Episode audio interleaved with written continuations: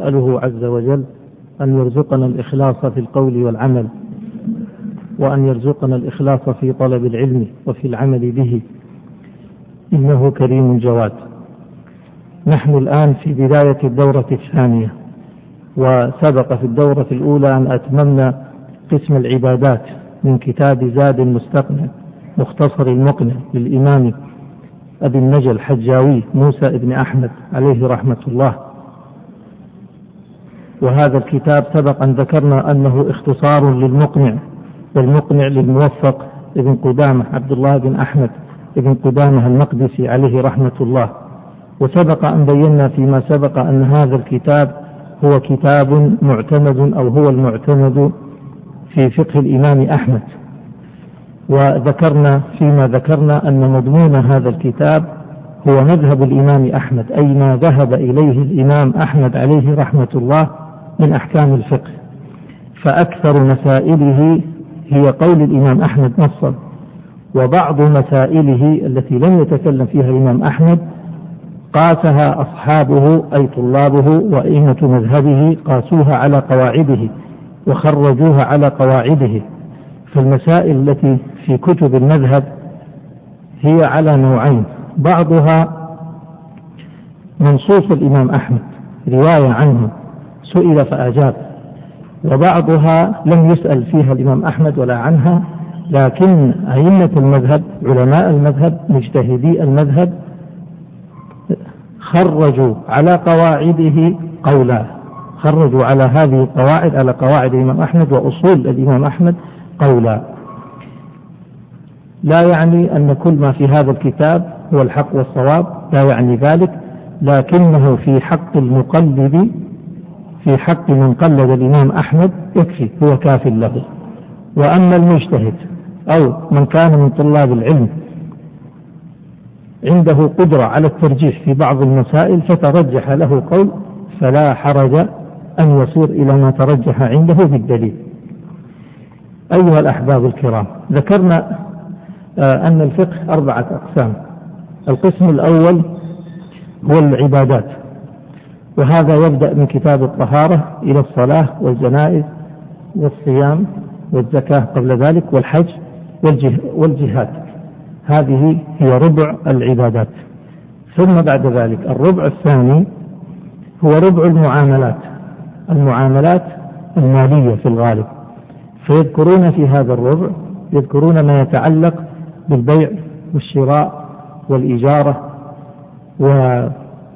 والرهن والوكالة والكفالة والضمان والشركات بأنواعها وإلى غير ذلك من من الأحكام المتعلقة بمعاملات الناس المالية. هذا هو ربع العبادات. الربع الأول هو ربع العبادات. وربع العبادات لا يستغني عنه مسلم لأن كل مسلم مطالب بالصلاة ومطالب بالزكاة إذا كان له مال والصيام إذا كان من أهله وهكذا. فغالب المسلمين وجل المسلمين وأكثر المسلمين تجب عليهم آه، الزكاة ويجب عليهم الحج وهكذا. ربع المعاملات. أهمية هذا الربع لا شك أنه مهم جدا. لماذا؟ لأنه ما من إنسان تقريبا إلا وهو محتاج للبيع والشراء ومحتاج للتعامل المالي. ما في إنسان إلا ويشتري أو يبيع ويستأجر أو يؤجر أو يقترض أو يأخذ وديعة أو يضع أمانة إلى غير ذلك من تعامل الناس المالي فتعامل الناس المالي كثير جدا. ولذلك أيها الأحباب لما كان الناس لا يستغنون عن التعامل المالي لما كان الأمر كذلك وجب في حقهم أن يتعلموا من أحكام المعاملات ما تصح به معاملاته. لا نقول يجب على كل مسلم أن يكون فقيها مجتهدا في أبواب المعاملات ولا العبادات لكن نقول ينبغي أن يعرف من الأحكام ما تصح به معاملته. هذا أقل القليل وأضعف الإيمان. ولذلك ينقل عن عمر رضي الله عنه أنه كان يقول لا يبيع في أو لا يبيع في في سوقنا من لا يفقه البيع وإلا أكل الربا شاء أم أبى بمعنى أن الإنسان الذي يتعامل بالبيع والشراء وغير ذلك من المعاملات المالية وهو لا يعرف أحكام الشرع في ذلك فإنه سيقع في مال حرام شاء أم أبى. الربع الثالث أيها الأحباب هو ربع آه النكاح. النكاح والطلاق ما يتعلق بأحكام النكاح الزواج والطلاق. والربع الأخير هو ما يتعلق بالجنايات وهذان الربعان أي الثالث والرابع أسأل الله أن يوفق لدورة ثالثة نختم بها الكتاب. أسأل الله تعالى ذلك. هنا سنبدأ إذن في ربع المعاملات الربع الثاني وهو قسم المعاملات المالية. وأنبه هنا على أمور. أهداف هذه الدورة ما هي الفائدة من دراسة هذا الباب أو هذا الربع أو هذا القسم؟ نقول الفائدة عظيمة لكي يعرف الإنسان ما يتعلق ببيعه وشرائه حتى لا يدخل على نفسه ولا في جوفه مالا حراما. فيعرف ما يحل من المال وما يحرم منه فيتبع الحلال ويجتنب الحرام. هنا أنبه أيها الأحباب بأمور وهي نحن طبعا سنقرأ في كتاب زاد المستقنع والكتاب بين أيديكم ولله الحمد. وسيكون أيضا بين أيديكم ملخص لبعض المسائل فقط ليس لجميع المسائل لبعض المسائل التي آه، يعني فيها شيء من الصعوبة أو فيها شيء من التعقيد حتى يسهل الشرح ونختصر بذلك الوقت. وطريقتنا كما سبق في الدورة الماضية طريقتنا هي فك عبارة المؤلف يعني شرح كلام المؤلف وفك العبارة مع التمثيل خاصة في العبادات في المعاملات. لأن المعاملات تحتاج إلى تمثيل صورة وضع صورة أو ذكر الكيف الصورة التي تشرح بها القاعدة مع ذكر الدليل يعني بحسب الحاجة. إذا نركز على فك العبارة وفهم صورة المسألة. آه لن نذكر أو لن نتطرق لمسائل الخلاف في مثل هذه الدورة وذلك لسببين مهمين. السبب الأول أن هذه الدورة تعتبر للمبتدئين يعني لمن يقرأ الفقه أول مرة أو يريد أن يدرس الفقه دراسة منهجية لأول مرة بغض النظر عن القراءات السابقة المبعثرة. لأنه كما ذكرنا وسبق وكررنا كثيرا طلاب العلم يشرعون في الكتاب ولا يتمونه. فرأينا أن نبدأ في دورة متكاملة من أول الكتاب إلى آخره ونسير سير ضعفائنا. من هم ضعفاؤنا الذين يقرؤون لأول قراءة لأول مرة حتى يتأصل عندهم آه الفقه ويعني ينبتون نباتا صحيحا. كيف ينبتون نبات صحيح؟ بأن يدرسوا العلم بالتدرج يقرؤون صغاره قبل كباره. يبدأون بالمسائل الصغار ثم ينتقلون المسائل الكبيرة.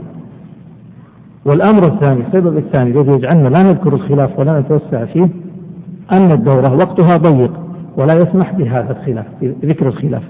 يعني بالإضافة إلى أنه أصلا ينافي المنهجية الصحيحة للتعلم وهو أيضا ينافي الوقت المتاح لنا.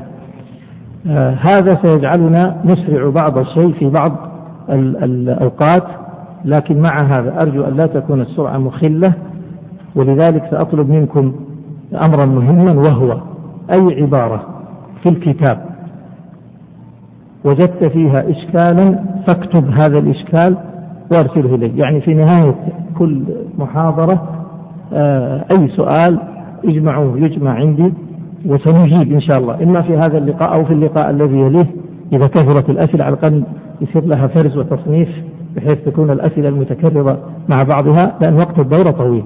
زمن الدورة سنستمر إلى العشاء. إذا أذن المؤذن سنستمر إلى الإقامة إن شاء الله تعالى. إذا صلينا نواصل بعد الصلاة إلى الساعة التاسعة والربع. هذا في بداية الأيام. فإذا شعرنا أننا قطعنا شوط ومشينا نختصر إلى التاسعة إن شاء الله تعالى. وأرجو من الإخوة أن ينبهوا للوقت. يعني إذا جاءت التاسعة وعشر دقائق ينبهوني أنه بقي خمس دقائق من الوقت. لابد أن ندرك هنا أريد أن تدركوا أمرا وهو أن هذه المسائل التي سنتعرض إليها لابد أن ندرك وجود الخلاف. يعني قد تسمع أو تقرأ في هذا الكتاب حكما فقهيا وتخرج تسمع في الإذاعة أو في غير ذلك من وسائل الإعلام أو في شريط أو في درس تسمع قول ثاني. لا تستغرب هذا. لا تستغرب هذا فإن مسائل الخلاف معروفة منذ القدم.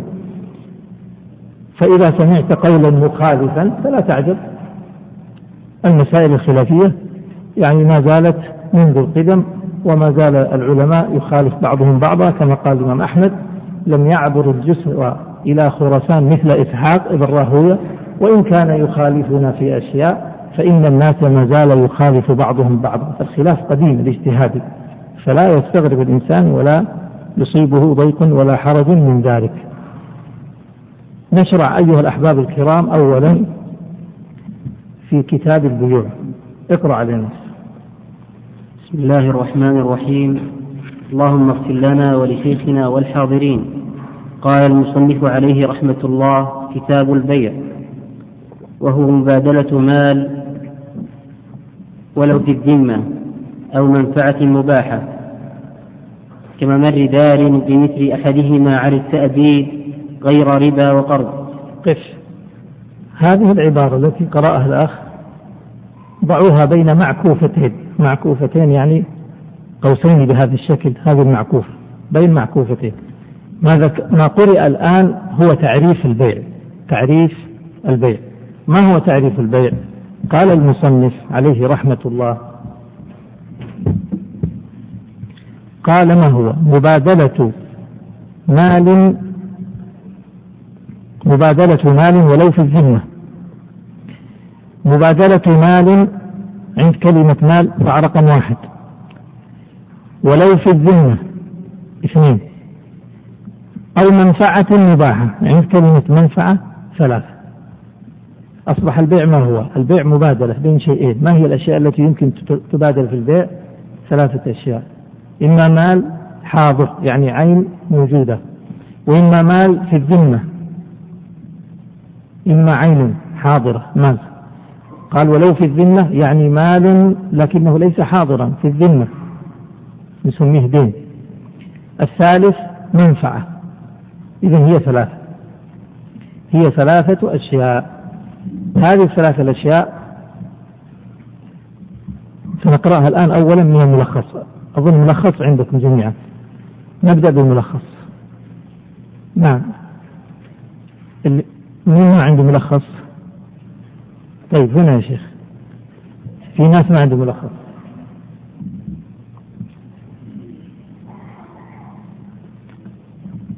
نقرأ من الملخص. قال تعريف البيع.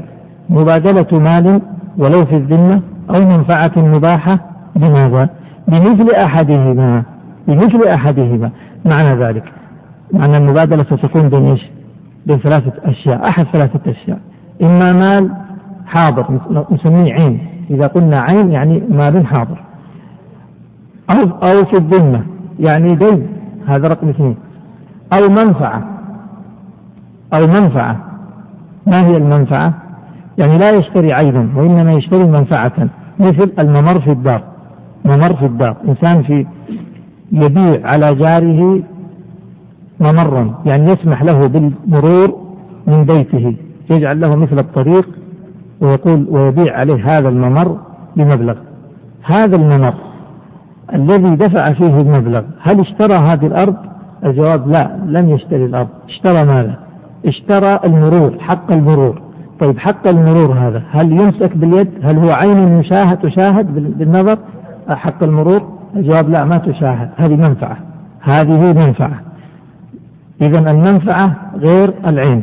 لو أن الإنسان اشترى الطريق الذي سيمر فيه يعني مثلا نقول رجل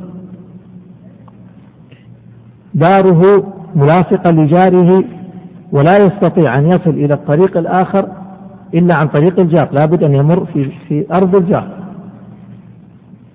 فمنعه الجار من المرور فاتفق معه على أن يشتري منه حق المرور يعني يقول له تسمح لي تترك لي مثلا متر في خمسة متر أمر فيها.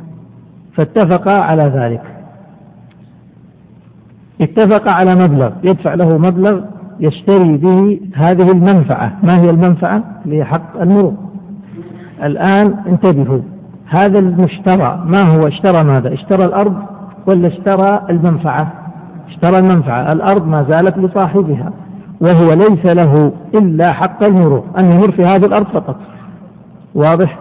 فلو أنه دفع له مبلغ قيمة هذا المتر في الخمسة الأمتار يصبح إيش؟ اشترى منفعة ولا اشترى عين؟ اشترى العين. فإذا نريد أن نفهم الفرق بين شراء العين وبين شراء المنافع. شراء المنافع يملك المنفعة ولا يملك العين. الأرض هذه ليست له. وشراء العين يملك الأرض ومنفعتها. طبعا باب أولى إذا الآن أصبح البيع أصبح البيع له ثلاثة حالات. إما أن يكون عينا عندكم في الملخص إيش مكتوب؟ قال بمثل أحدهما هكذا على التأبيد. ما معنى على التأبيد؟ يعني للأبد. أنت الشراء يعني مبادرة مال بمال على الأبد. كيف على الأبد؟ يعني ليس مؤقتا بزمن معين. ليس مؤقتا بزمن معين. فلو كان مؤقتا بزمن معين ما نسميه بيع. نسميه إجارة. إذا الفرق بين الإجارة والبيع ما هو؟ الفرق بينهما رجل جاء إلى رجل يملك أرضا فقال له أريد هذه الأرض أن أشتري منك هذه الأرض بمئة ألف ريال. هذا بيع ولا إجارة؟ هذا بيع. طيب جاءه فقال له اعطني هذه الأرض لمدة سنة واحدة بعشرة آلاف ريال. ما هو هذا؟ هذه الإجارة في, في الأول أصبح أصبحت الأرض ملكا للمشتري يعني انتقلت الملكية من الأول للثاني. لكن في العقد الثاني في الإجارة هل انتقلت الملكية من الأول للثاني؟ ما انتقلت. لما استأجر منه الأرض لمدة سنة وأعطاه مقابل أصبحت هذه الصورة تشبه البيع. الفرق بينهم في إيش؟ الفرق بينهم أن البيع على الأبد. والإجارة زمن معين ينتفع بهذه الأرض زمنا معينا ويدفع مقابل هذا الزمن ثم بعد ذلك يرد العين لصاحبها وتنتهي تنتهي ينتهي حقه في الأرض إذا قوله على التأديب أخرج ماذا؟ أخرج الإجارة قال غير ربا وقرض غير ربا كيف غير ربا؟ يقول غير الربا فإن الربا لا يسمى بيع وإن كان الربا ظاهره ظاهر الربا الآن ما يصدق عليه التعريف هذا الذي بين أيدينا؟ لا؟ ما هو التعريف؟ قال مبادلة مال بمال. الآن المرابي ألا يبادل مالا بمال؟ وليس على التأبيد؟ على التأبيد. إذا سيدخل الربا في تعريف البيع. فالمصنف قال غير ربا إذا الربا لا يدخل في البيع. الربا شيء ثاني لأنه محرم. انتبهوا إذا المرابي لا يقول أنا أبيع الآن. لا ما تبيع أنت. هذا الذي فعلته عقد الربا ليس عقد بيع. وأخرجه المصنف بقوله غير ربا لأن الربا وإن كان ظاهره وصورته مثل صورة البيع لكنها خرجت بهذا الاستثناء. قال غير ربا وقرض. غير ربا وقرض. طيب إيش القرض؟ القرض صورته في الظاهر أنها مبادلة مال بمال على التأبيد تعرفون القرض ولا لا؟ القرض ما هو؟ تأتي لي فتقول اعطني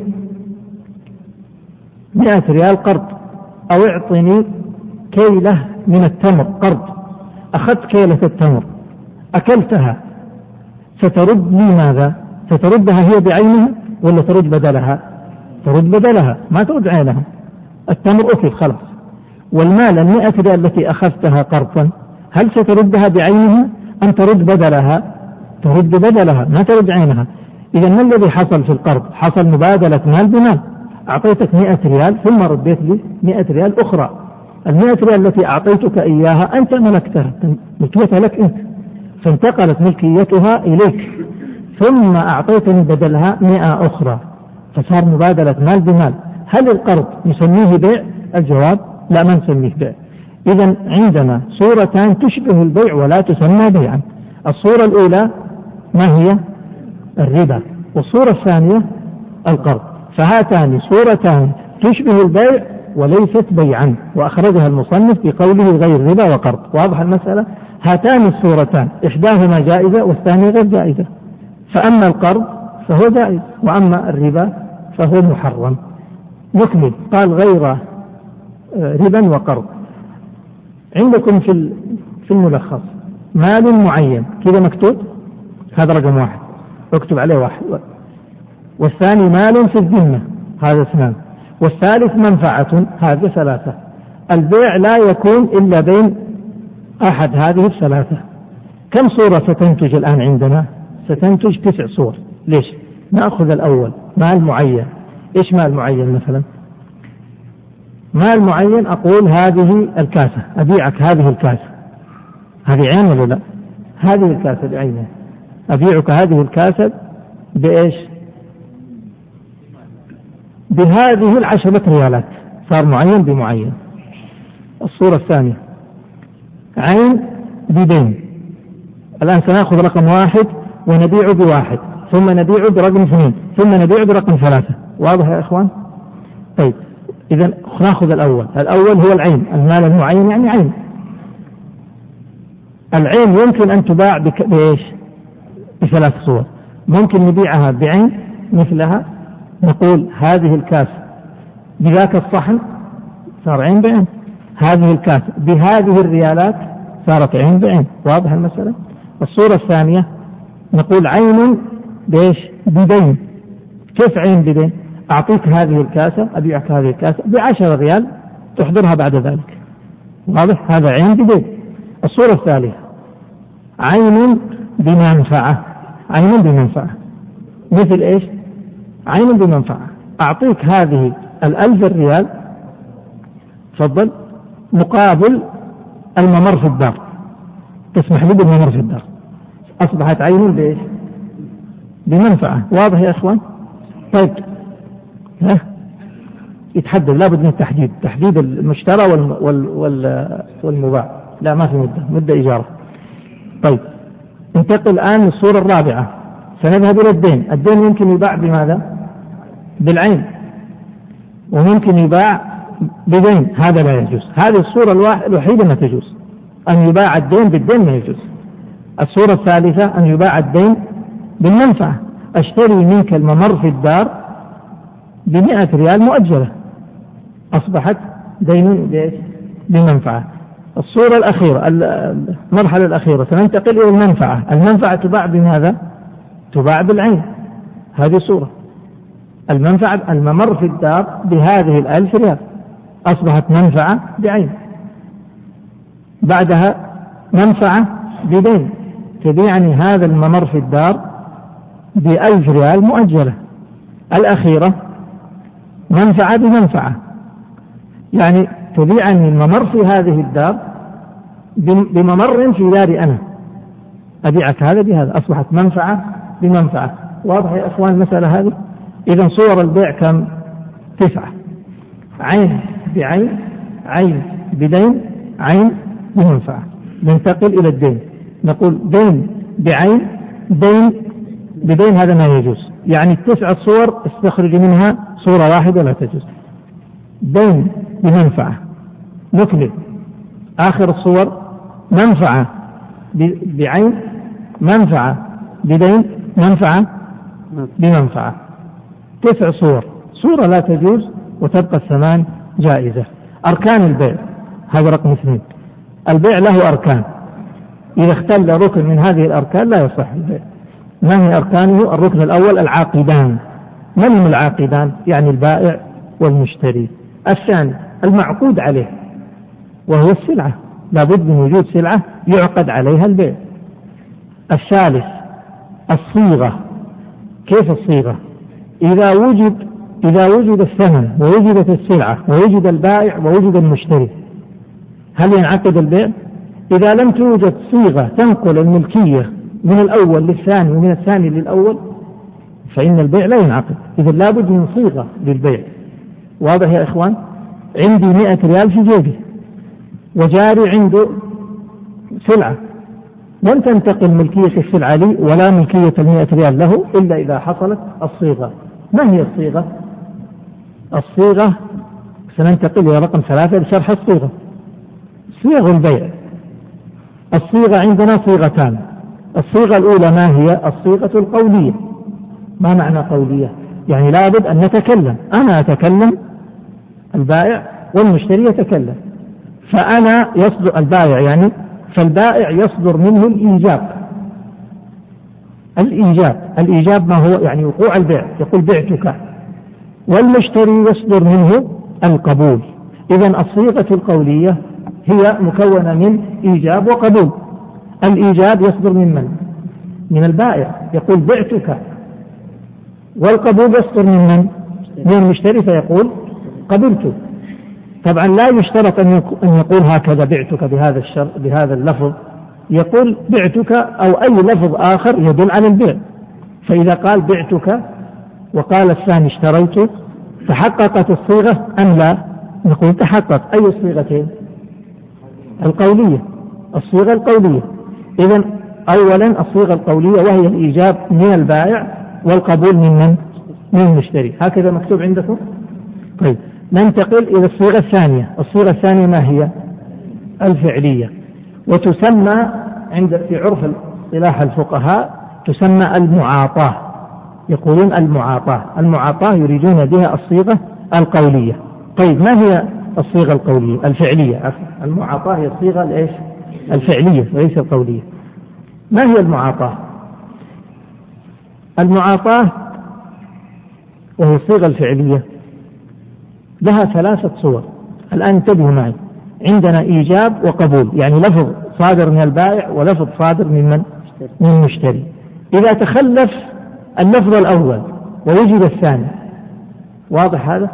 تخلف الأول وهو الإيجاب يعني بعتك مثلا بيتك ما قال بعتك لكن قال بكم تبيع هذا؟ قال بكم تبيع هذا؟ فقال البائع بعشرة ريالات هل حصل إيجاب؟ ما حصل لأنه ما قال بعتك والآن يسأله بكم تبيعها؟ قال بعشرة فقال قبلت إيش حصل؟ حصل قبول وما حصل إيجاب فقال قبلت وأعطاه العشرة ريال هذه الصيغة نسميها إيش؟ هل يمكن أن نقول هذه صيغة قولية؟ ما ليست قولية، لا تكون قولية إلا إذا حصل إيجاب وقبول، والآن حصل عندنا قبول ولم يحصل إيجاب، واضح المسألة؟ طيب ماذا نسمي هذه الصيغة؟ نقول صيغة فعلية. هذه الصورة الأولى، الصورة الثانية عكسها، كيف تكون عكسها؟ يعني يوجد الإيجاب ولا يوجد القبول صورة ذلك مثالها يقول له بعتك هذه بعتك هذه الساعة بعشر ريال الآن ما الذي حدث؟ إيجاب فالمشتري ما قال قبلت وإنما أخرج عشر ريال ودفعها. هل حصل قبول؟ ها يا إخوان. حصل قبول؟ لا. حصل قبول لفظي؟ لا. أيوة. أكرر.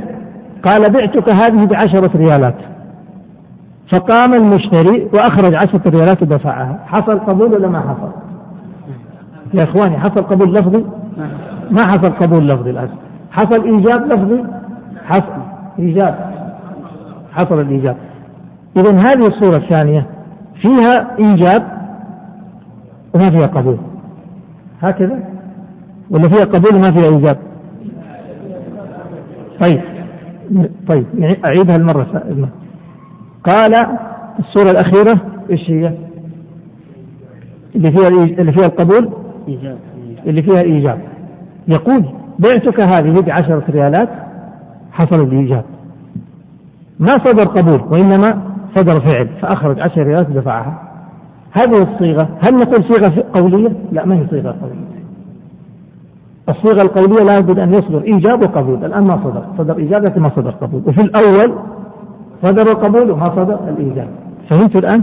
الصورة الثالثة للمعاطاة للصورة الفعلية أن لا يتكلم ولا واحد فيها. ما يحصل لا إيجاب ولا قبول. وهذا أشبه ما يكون ويعني أوضح مثال له ما يحصل الآن في الأسواق. أن يدخل الإنسان إلى إلى المتجر الكبير ما يسمى بالسوبر ماركت فينظر في السلعة يجد مكتوب عليها عشرة ريال يذهب إلى البائع يعني إلى المحاسب إلى الصندوق فيخرج العشرة ريال ويدفعها ما يتكلم. لا يتكلم البائع ولا يتكلم المشتري. فهنا لا حصل لا إيجاب ولا قبول لفظي. لفظي ما حصل. إيش نسمي هذه الصيغة؟ فعلية. إذا معاطاة. معاطاة أو صيغة فعلية. إذا الصيغة أيها الأحباب التي يصح بها البيع صيغتان. إما صيغة قولية فإن يصدر إيجاب ويصدر قبول. وإما صيغة فعلية وهذه لها ثلاث صور بمعنى أن يصدر إيجاب بدون قبول أو قبول لفظي. بدون إيجاب لفظي أو لا إيجاب ولا قبول لفظي.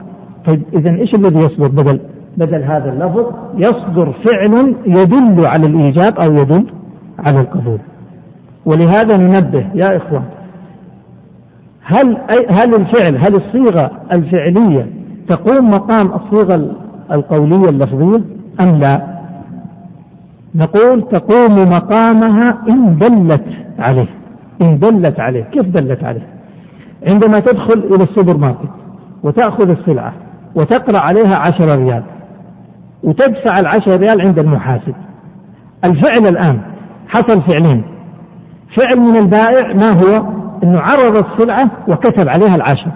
عرضه لها وكتابة عشر ريال عليها. ماذا يعني؟ يعني إيش؟ يعني كأنه يقول أبعتك هذه بعشر ريال. واضح؟ أخذك لهذه السلعة ودفع العشر ريال عند البائع يقوم مقام إيش؟ القبول. معناه أنك قلت له قبلت هذا الشراء. لكن سأعطيكم مثال آخر وأجيب عليه أنتم. قابلت جارك سلمت عليه كيف حالك يا أبا فلان؟ قال طيب ما شاء الله الساعة هذه جميلة. بكم اشتريتها؟ قال اشتريتها ب 100 ريال. ما شاء الله 100 ريال إيه. خرج 100 اشتريتها؟ قال اشتريتها ب 100 ريال. ما شاء الله 100 ريال إيه. خرج 100 ريال ودفعها وأخذ الساعة. هذا يدل على إيجاب وقبول لا لأنه ما قال لك لما قال سعرها 100 ما قالها على سبيل العرض للبيع. واضح يا إخوان؟ إذا الصيغة القولية إنما تقوم مقام الصيغة الفعلية اللفظية أو القولية إذا دلت عليه. أما ما دلت لا. أو تأتي عند جارك تدخل عند جارك فتجد سلعة موجودة في في في بيته مكتوب عليها سعرها فتأخذها وتدفع الثمن. هذا لا يصح. حتى يدل يعني حتى يصدر منه فعل يدل على كيف فعل يدل؟ لو قلت له ما شاء الله بكم هذا قال ب 100 ريال. والله جيدة ممتازة طيب أعطيك ال 100 ريال؟ فقال نعم. أخذ. الآن هذا دل على الربا ولا لا؟ إذا أي تصرف من قول أو فعل أو كتابة تدل على الإيجاب والقبول تقوم مقام الإيجاب والقبول. وأما إذا كان القول أو الفعل لا يدل على الإيجاب والقبول فإنه لا يعتبر إيجاب وقبول طيب. قال وصيغ البيع إذا الصيغة الثانية هي الصيغة الفعلية وهي المعاطاة ولها ثلاثة صور. إيجاب بدون قبول قبول بدون إيجاب. أخيرا لا إيجاب ولا قبول. وعندما نقول لا إيجاب ولا قبول يعني لفظي لكن في الحقيقة فيه إيجاب وقبول فعلي. هذا المقصود. طيب يا أخوان. نقرأ المقطع هذا ثم ننتقل نعود إلى الشروط. قال المصنف الآن وهي مبادلة مال يعني وهو عفوا يعني البيع مبادلة مال هذا رقم واحد. ولو في الذمة هذا رقم اثنين يعني دين يمكن أن تكتب عندها دين. أو منفعة مباحة هذا رقم ثلاثة. كممر في دار هذا مثال للمنفعة المباحة. قال بمثل أحدها أحدهما بمثل أحدهما أو بمثل أحدها يعني أحد الثلاثة الماضية. إذا قال بأحدهما يعني من هما؟ التثنية لإيش؟ للمال للمال الذي ولو في الذمة للمال بنوعين أو المنفعة. في التثنية يعود إلى المال والمنفعة. قال على التأديب قلنا خرج بذلك ماذا؟ الإيجارة. غير ربا فإن الربا مبادلة مال بمال لكنه لا يسمى بيع خرج الربا وهو محرم. وقرض فإن القرض مبادلة مال بمال لكنه ليس ببيع لا يسمى بيع ولا يأخذ له أحكامه الخاصة. قال المصنف الآن هنا نغلق المعكوفة. كذا ولا لا؟ فتحنا المعكوفة من أول من عند قولي وهو وينتهي هنا وهذا هو تعريف البيع. قال وينعقد بإيجاد وقبول. هذه ما هي؟ نسميها صيغة صيغة البيع هي الصيغة القولية. قال وينعقد بإيجاد وقبول بعده.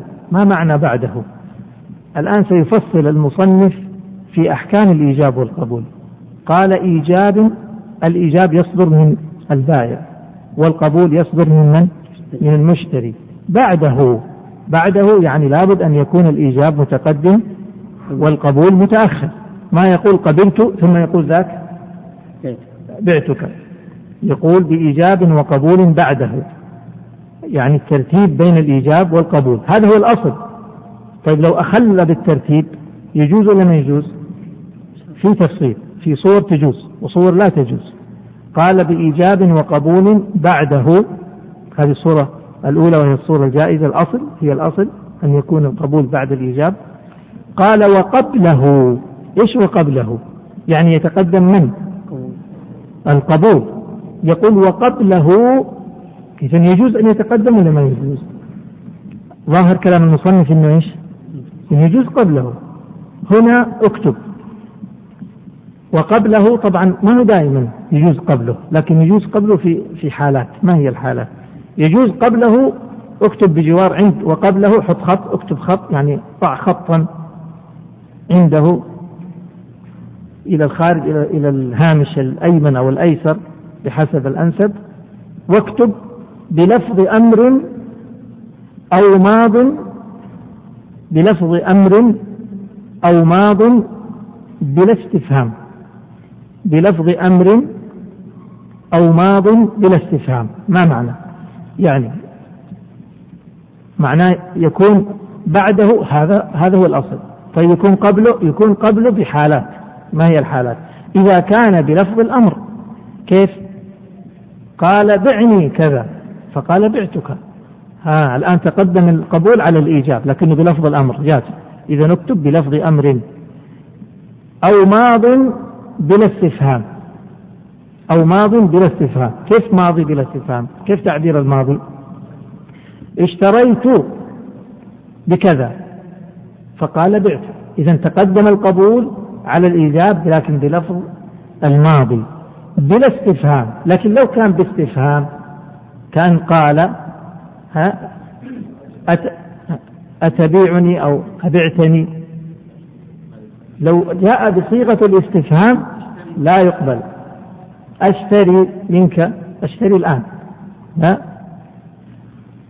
إذا كان فيه استفهام فإنه لا يقبل. لأنه الآن هو يسألك سؤال واحد يسألك يقول لك تبيع هذه؟ فإذا قلت له نعم لا يعني أنه حصل البيع. لكن غير إذا قال اشتريت بالماضي أو قال بعني. فإذا قال بعني ألا يدل هذا على قبوله للشراء؟ بعني؟ معناه. وإذا قال اشتريت منك ذلك معناه أنه يدل على قبوله للشراء. أما إذا كان يستفهم فلا. في الاستفهام لا. ما يصح. إذا باختصار. القبول بعده. هذا واحد. وقبله حط رقم اثنين. يجوز قبله بس بشرط أن يكون بلفظ أمر أو ماض بلا استفهام. قال المصنف متراخيا عنه في مجلسه. إيش متراخيا عنه؟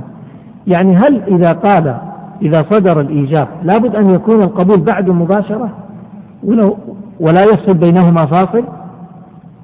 يقول المصنف يجوز أن يكون متراخي عنه في مجلسه يعني في نفس المجلس لو تأخر قليلا يعني قال بعتك هذه السلعة. الآن خذوا هذا المثال. قال بعتك هذه السلعة. هذا إيجاب. فقال المشتري إيش؟ قبلت بسرعة. قبلت. صح البيع الآن ولا لا؟ ما صار ما صار فصل. الصورة الثانية. قال بعتك هذه السلعة. فسكت ما أجاب بسرعة. وبعد قليل بعد مدة وهم في المجلس نفسه وما اشتغلوا بكلام آخر سكت جلس دقائق يتأمل ثم قال اشتريته صح ولا ما صح؟ صح. الصورة الثالثة قال بعتك هذه السلعة. فسكت. ثم خاض في حديث آخر. تشاغل عنه. تشاغل بمن يقطعه. دخلوا في حديث آخر ثم عاد وقال قبلت شراء السلعة. يقبل هذا أم لا؟ لا يقبل. ما دام تشاغل عنه ما يقبل. الصورة الرابعة قال بعتك هذه السلعة. فسكت ما أجاب. ثم بعد قليل خرج. قال المشتري قال هي في أمان الله. سأذهب إلى السوق وأذهب إلى الصلاة وأعود. والتقى به في الليل فقال قبلت. يقبل هذا أم لا؟ لماذا؟ لأنه انقطع المجلس. إذا انتبهوا إذا انقطع المجلس ما يصح. أو تشاغل في المجلس بما يقطعه في العرف فإنه لا يصح. قال المصنف قال المصنف في, مك في مكانهم الذي هم فيه. قال المصنف وقبله متراخيا عنه في مجلسه فإن تشاغل بما يقطعه بطل وهي الصيغة القولية. انتهينا من الصيغة القولية وأحكامها. شرع المصنف في الصيغة الفعلية. قال وبمعاطاة وهي الفعلية. يعني ويصح البيع بالمعاطاة وهي الفعلية. ثم قال المصنف ويشترط. الآن اكتب هنا شروط صحة البيع عند قوله ويشترط التراضي. هذه شروط صحة البيع. ويشترط التراضي. البيع لا يصح إلا بستة شروط بسبعة شروط. بسبعة شروط. هذه السبعة شروط نعود للمذكرة مرة ثانية للملخص. رقم أربعة. رقم أربعة. إيش مكتوب عندنا في رقم أربعة؟ طيب رقموا هذا. أو هي مرقمة بخلقتها قال الملك. هذا الأول. الملك. اثنين. الملك والتراضي والأهلية. هذه كم الآن؟ ثلاث إباحة هذه أربعة. وقدرة خمسة. قدرة جلية والعلم. والعلم بالأثمان هذا رقم ستة. والمبيع يعني والعلم بالمبيع هذا رقم سبعة. فهذه شرائط البيوع. إذا عندنا سبعة شروط لصحة البيع. لا يصح البيع إلا بها. ما هي؟ الشرط الأول الملك. ما معنى الملك؟ يعني لابد أن يكون البائع مالكا للسلعة. ولابد أن يكون المشتري مالكا لماذا؟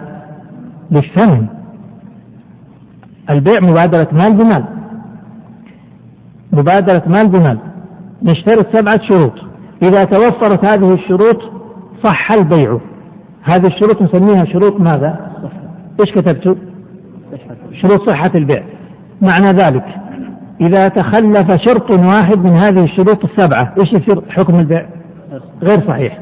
ولو تخلف شرطان من باب أولى ثلاثة من باب أولى واحد يكفي يبطل البيع لابد من توفر السبعة الشروط حتى يصح البيع انتبهوا يا أخوان إذا صح البيع ما الذي يترتب على العقد؟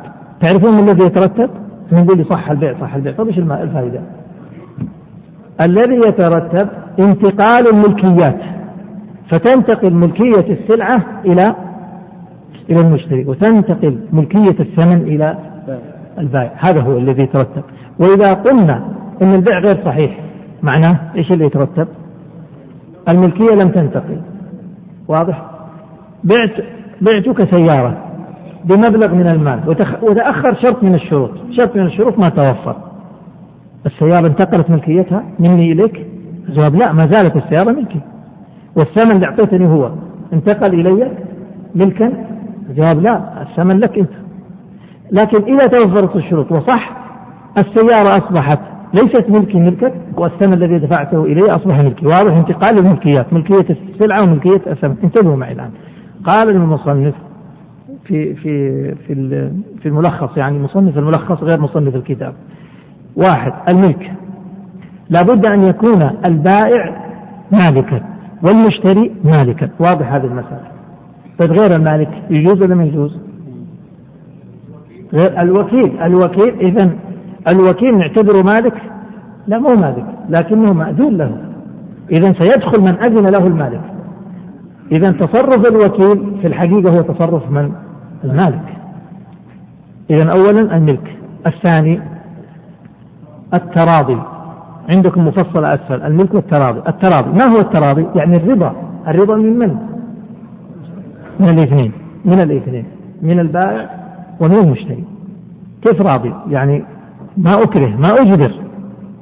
أما لو أجبرنا واحد وهددناه قلنا شوف إما أن تبيع وإلا قتلناك. فباع. هل يصح هذا البيع؟ لماذا؟ لعدم التراضي من أحدهما. واضح يا إخوان؟ ثلاثة.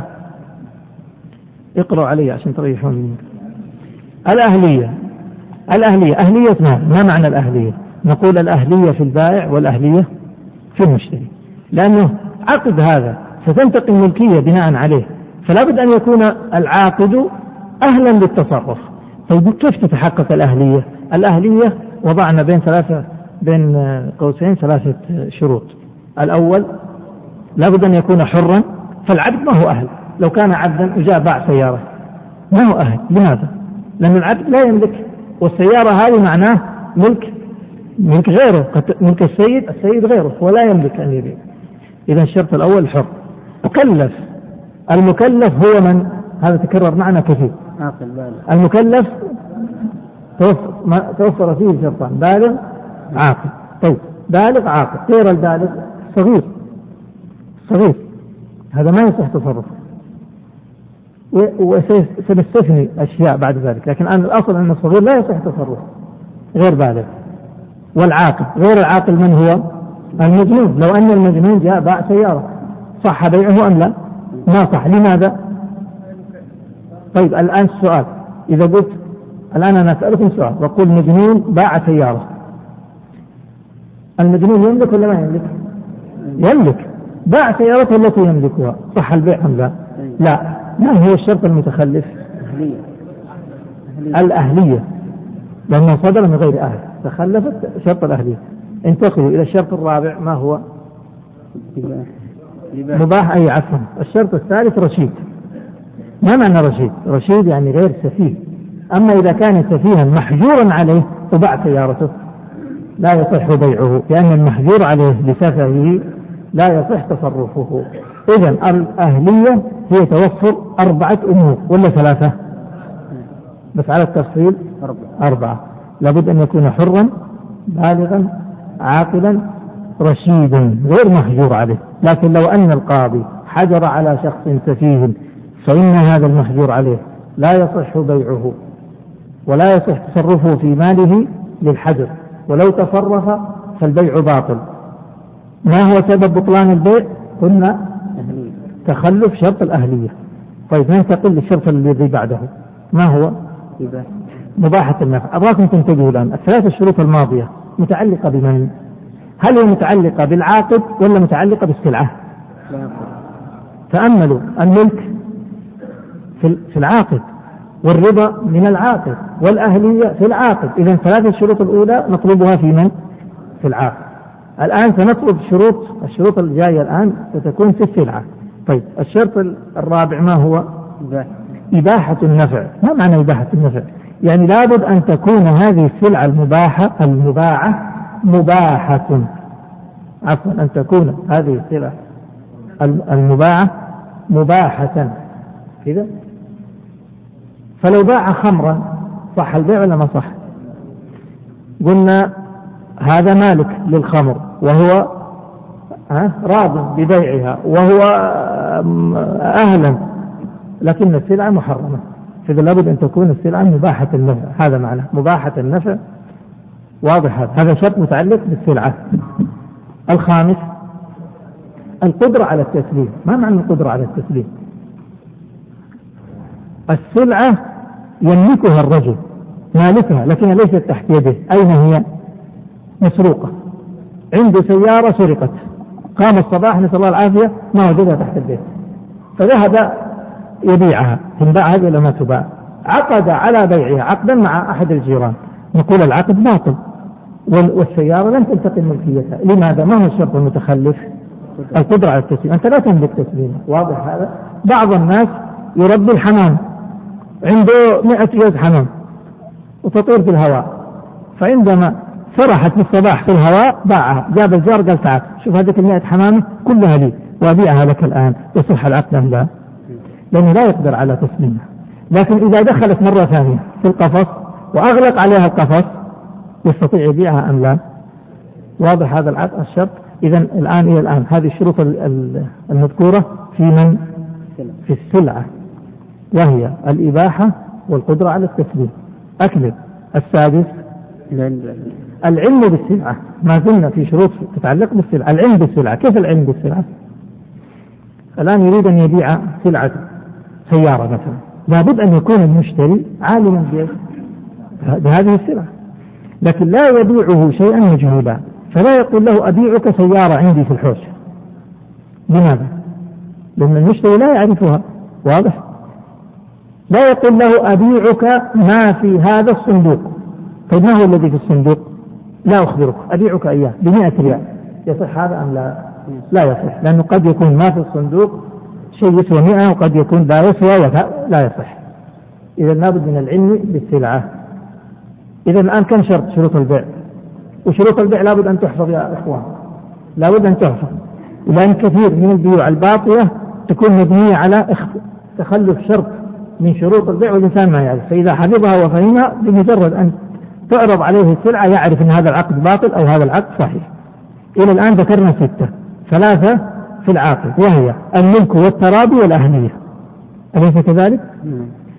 وثلاثة في السلعة ما هي إباحة إيش يعني إباحة؟ إيش يعني إباحة؟ يعني نفعها مباح مو خمر ولا خنزير ولا كلب طيب إباحة وقدرة جلية إيش يعني قدرة جلية؟ قدرة على التسليم جلية هذه جلية لا هذه جاءت بس عشان الروي عشان عشان يصلح البيت. إباحة وقدرة يعني قدرة على التسليم قال والعلم بالأثمان والمبيع فنتجاوز. نقول العلم بالمبيع هذا الشرط الايش؟ السادس. الشرط السابع ما هو؟ العلم بالثمن. أبيعك هذه السيارة اللي تراها سيارة أمامك. أبيعك هذه السيارة بما في جيبك. الآن هل هنا هل توفر العلم بالسلعة ولا ما توفر؟ نعم. توفر. لكن مع ذلك العقد باطل. لماذا؟ لأن إيه لم تخلف العلم بالثمن. بما في جيبك ما يصلح. إيش اللي في جيبك واضح يا إخوان؟ طيب. هذه هي شروط البيوع. وتجمع في هذين البيتين. أبغى الجميع يحفظ يعني يحفظ الشروط مش البيتين يحفظ الشروط. السبعة ثلاثة في العاقد وثلاثة في السلعة وواحد في الثمن. ونقرأ من الكتاب. قال المصنف عليه رحمة الله. ويشترط التراضي منهما. هذا رقم واحد. بالله ضعوا. شوفوا. ضعوا رقم واحد هكذا. وسط مربع في الحاشية في الهامش. الأيمن أو الأيسر. واحد مصطلحك. واحد. وسط مربع. وضع على كلمة التراضي خط. هذا الشرط الأول من شروط صحة البيع. التراضي منهما يعني من البائع والمشتري. قال المصنف فلا يصح من مكره بلا حق يعني فلا يصح البيع من مكره بلا حق. من أكره على على البيع فباع مكرها يصح أم لا يصح؟ لا يصح. لكن المصنف قال بلا حق. إيش يعني؟ إذا الذين يكرهون على البيع نوعان. أناس يكرهون على البيع بغير حق فهذا لا يصح. وأناس يكرهون على البيع بالحق فهذا يصح بيعه. إذا هذه صورة مستثناة. كيف يكره على البيع؟ بحق. إنسان مماطل. لا الغاصب يكره على عن على إرجاع العين. لكن إنسان مماطل. عليه ديون. الناس تطالبه بأموالها. وهو يقول ما عندي. لكن عنده عمارة. ويرفض بيعها. ذهبوا به إلى القاضي. فقال ما عندي مال. ما عندي حساباتي في البنك صفر. ما في ولا ريال. طيب إيش عندك؟ قالوا عندي هذه العمارة والعمارة تسوى ملايين والناس تطالبه بحقوقها فقال له القاضي بيع فقال لا أبيع رفض مماطل عند ذلك يجوز للقاضي أن يجبره على بيع العمارة يعني يكرهه ب... يكرهه بحق ولا بغير حق؟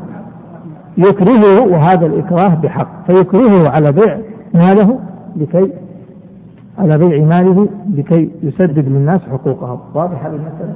إذا الإكراه يا إخوان الإكراه. إحنا قلنا التراضي. إذا سنستثني من من شرط التراضي من صورة واحدة وهي الإكراه بحق. واضح هذا الكلام؟ أيوه. يصير لما نقول الملك والتراضي ويأتي واحد يكره بحق ثم يسأل يقول أكرهني القاضي. هذا البيع باطل أكرهني القاضي. فما الجواب؟ نقول البيع صحيح وإكراه القاضي بحق. ها؟ صحيح. لا لا لا يبطل البيع. قال فلا يصح من مكره بلا حق. انتهى الشرط الأول. انتقل. قال وأن يكون العاقد جائز التصرف. هنا رقم اثنين. هذا رقم اثنين. بلا حق أن يأتي مثل ما ذكرنا في البداية. قلنا نأتي لواحد نقول شوف إما أن تبيع ولا ذبحناك الآن. بالسكين والسكين حادة تبيع ولا ما تبيع؟ قال لا أبيع. فباع مكرها. هذا بحق ولا بباطل؟ بباطل هل يصح هذا ولا ما يصح؟ ما يصح. فإذا خرج من عندهم رفع أمرهم للقضاء فسيبطل القاضي في هذه الحالة هذا العقد. واضح يا إخوان؟ هذا بدون حق أما اللي بحق هذا لا يتصور إلا في القاضي أن يجبر من المماطل على بيع ماله لوفاء دينه نكمل يا إخوان. الشرط الثاني وأن يكون العاقد جائز التصرف. معلش الآن المصنف عرضها بطريقة مختلفة عن التي عن التي عرضناها. هنا المعنى واحد وأن يكون العاقد جائز التصرف. اكتب عند جائز التصرف الحر المكلف الرشيد. هو الحر المكلف الرشيد. وهذا الشرط الثاني ماذا نسميه؟ الأهلية. إذا اكتب رقم اثنين وسط مربع اكتب الأهلية. الأهلية. قال المصنف فلا يصح تصرف صبي وسفيه بغير إذن ولي. لماذا؟ قال فلا يصح تصرف صبي. لماذا صبي؟ لأنه ليس بإيش؟ ليس بحر. وليس بمكلف. ليس بمكلف. قال وسفيه. ليش مو سفيه؟ السفيه ما هو مكلف؟ ليس رشيدا. واضح الكلام هذا؟ قال فلا يصح تصرف صبي وسفيه بغير إذن ولي. بغير إذن ولي. معناه إذا أذن له الولي أذن للصغير صح هذا. إذا أذن له الولي صح تصرفه. لكن هنا نريد أن نستثني المذهب ما هو هذا؟ مذهب أحمد عليه رحمة الله يستثنون في تصرف الصبي اليسير. يقولون اليسير تصرفه في اليسير يجوز بدون إذن. فلهذا أكتب عند قوله فلا يصح تصرف صبي وصفيه بغير إذن ولي.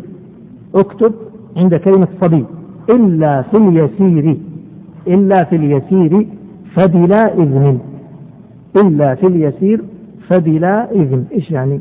يعني تصرف الصبي ما يصح إلا بالإذن. وبدون إذن يصح ولا ما يصح؟ يصح في اليسير ولا يصح في الكثير. واضح المسألة؟ اليسير في العرف. معنى هذا الكلام. الآن سنعود مرة ثانية. نقول الصبي تصرفاته تحتمل ثلاثة صور. إما أن يأذن له وليه. من هو وليه؟ ها إذا أبوه عايش أبوه هو الأب. إلا فيكون من أوصى آه، أبوه آه، به يعني وصي الأب. وإلا فيكون الحاكم وضع له وصي. الشاهد له وصي. ولي يعني. إذا الصبي الصغير له ثلاثة صور. إما أن يتصرف بإذن الولي. صح التصرف ولا ما يصح؟ صح. الثاني أن يتصرف بغير إذن في شيء يسير. يعني راح اشترى حبة حلاوة. واضح؟ اشترى عصير من البقالة. صح أم لا؟ مسألة حساسة ومهمة. راعي البقالة قاعد يبيع للأطفال الصغار. صح ولا لا؟ يقول هذا بيعهم كله غير صحيح. هذا ما يجوز إذا جاء يشتري حلال يقول لا هات من وليك. أو خليه يتصل بي بلغني أنه موافق. أو يرسل شاهد شهود. واضح؟ الشاهد. المذهب يقول لا في الشيء اليسير يتصرف الصغير بدون الرجوع إلى إلى إلى الولي. الثالث أن يتصرف الصغير في أمر كبير بدون إذن. يصح أم لا؟ لا يصح. اتضحت الصورة الآن؟ طيب أنا أقول اتضحت عشان بنتقل للي بعدها. بعد ذلك قال وأن تكون العين مباحة النفع من غير حاجة. هذا رقم أربعة. ضع رقم أربعة في مربع. واكتب هنا إيش؟ الإباحة. عفوا ثلاثة؟ ثلاثة. أخطأت. أخطأت. ثلاثة. وأن تكون العين مباحة النفع إيش راح نكتب عند الشرط الثالث هذا؟ الإباحة. الإباحة. أن تكون العين مباحة النفع من غير حاجة. كيف مباحة النفع؟ مباحة النفع تخرج إيش؟ تخرج محرمة النفع. وتخرج إيش أيضا؟ تخرج ما لا نفع فيه أصلا. لو باعك شيء لا, لا نفع فيه. يصح بيعه أم لا يصح؟ ما يصح. إذا كان ليس له نفع هذا هدر مال. فلا يصح. طيب يخرج إيش كمان؟ قال مباحة النفع. فتخرج شيئين. ما ما كان لا نفع فيه أو كان فيه نفع محرم. قال من غير حاجة. يعني الذي يباح نفعه من غير حاجة. طيب سيخرج إذا أخرجنا كم صورتين سنخرج شيء ثالث. هناك أشياء لا يباح نفعها إلا في الحاجة. تدخل ولا ما تدخل؟ يعني تجوز ولا ما تجوز؟ لا ما يجوز. قال مباحة النفع من غير حاجة. يعني لابد أن تكون السلعة نفعها مباح دائما. مش عند الحاجة مباح وإذا عدمت الحاجة لا تباح. وكذلك ما كان مباح النفع في الضرورة. كيف الضرورة الآن الميتة يباح نفعها وأكلها ولا ما يباح؟ ما يباح. أليس كذلك؟ طيب ما رأيكم؟ الميتة يباح نفعها في الضرورة. لو أن إنسان يكاد يموت من الجوع وما عنده إلا ميتة يأكلها ولا ما يأكلها؟ أبيح نفعها ولا ما أبيح؟ أبيح. أبيح مطلقا أو أبيح للضرورة؟ طيب يجوز بيعها أم لا؟ هل ستدخل في مباحة النفع أم لا؟ لا, لا. لماذا؟ لأنه شرطنا أن تكون مباحة النفع مطلقا. أما التي تباح في الضرورة أو تباح في الحاجة فهذه نعاملها معاملة الأصل أنه لا يباح نفعها. واضح الآن كلام المصنف؟ قال وأن تكون مباحة النفع من غير حاجة. فخرج محرم النفع وخرج إيش؟ ما لا نفع فيه وخرج ما يباح نفعه في الحاجة فقط ولا يباح مطلقا وخرج ما يباح نفعه للضرورة ولا يباح مطلقا. واضح يا إخوان؟ قال المصنف عليه رحمة الله قال كالبغل والحمار. يعني هذه أمثلة لإيش؟ للمباحات ولا لا؟ لمباحات النفع. الحمار أو البغل هذا يباح نفعه دائما ولا لا؟ نعم يباح نفعه دائما. قال ودود القز. دود القز هذا الذي يخرج منه الحرير فهذه تباح يباح نفعها. قال وبذره. وش بذرة. يعني بذر دود القز يقصدون بذلك صغاره.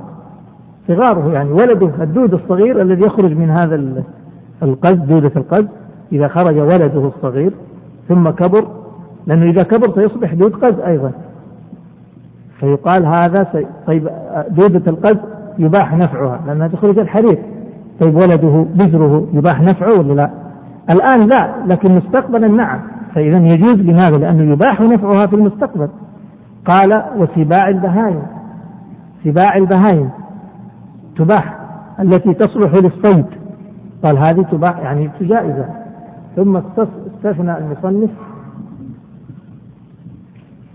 نبهوني إذا جاء الوقت أنا ما أعرف الأوقات.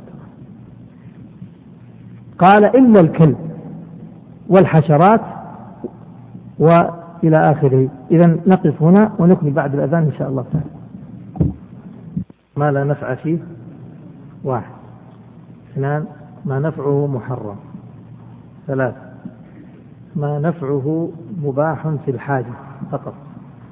وإذا عدمت الحاجة لا يباح.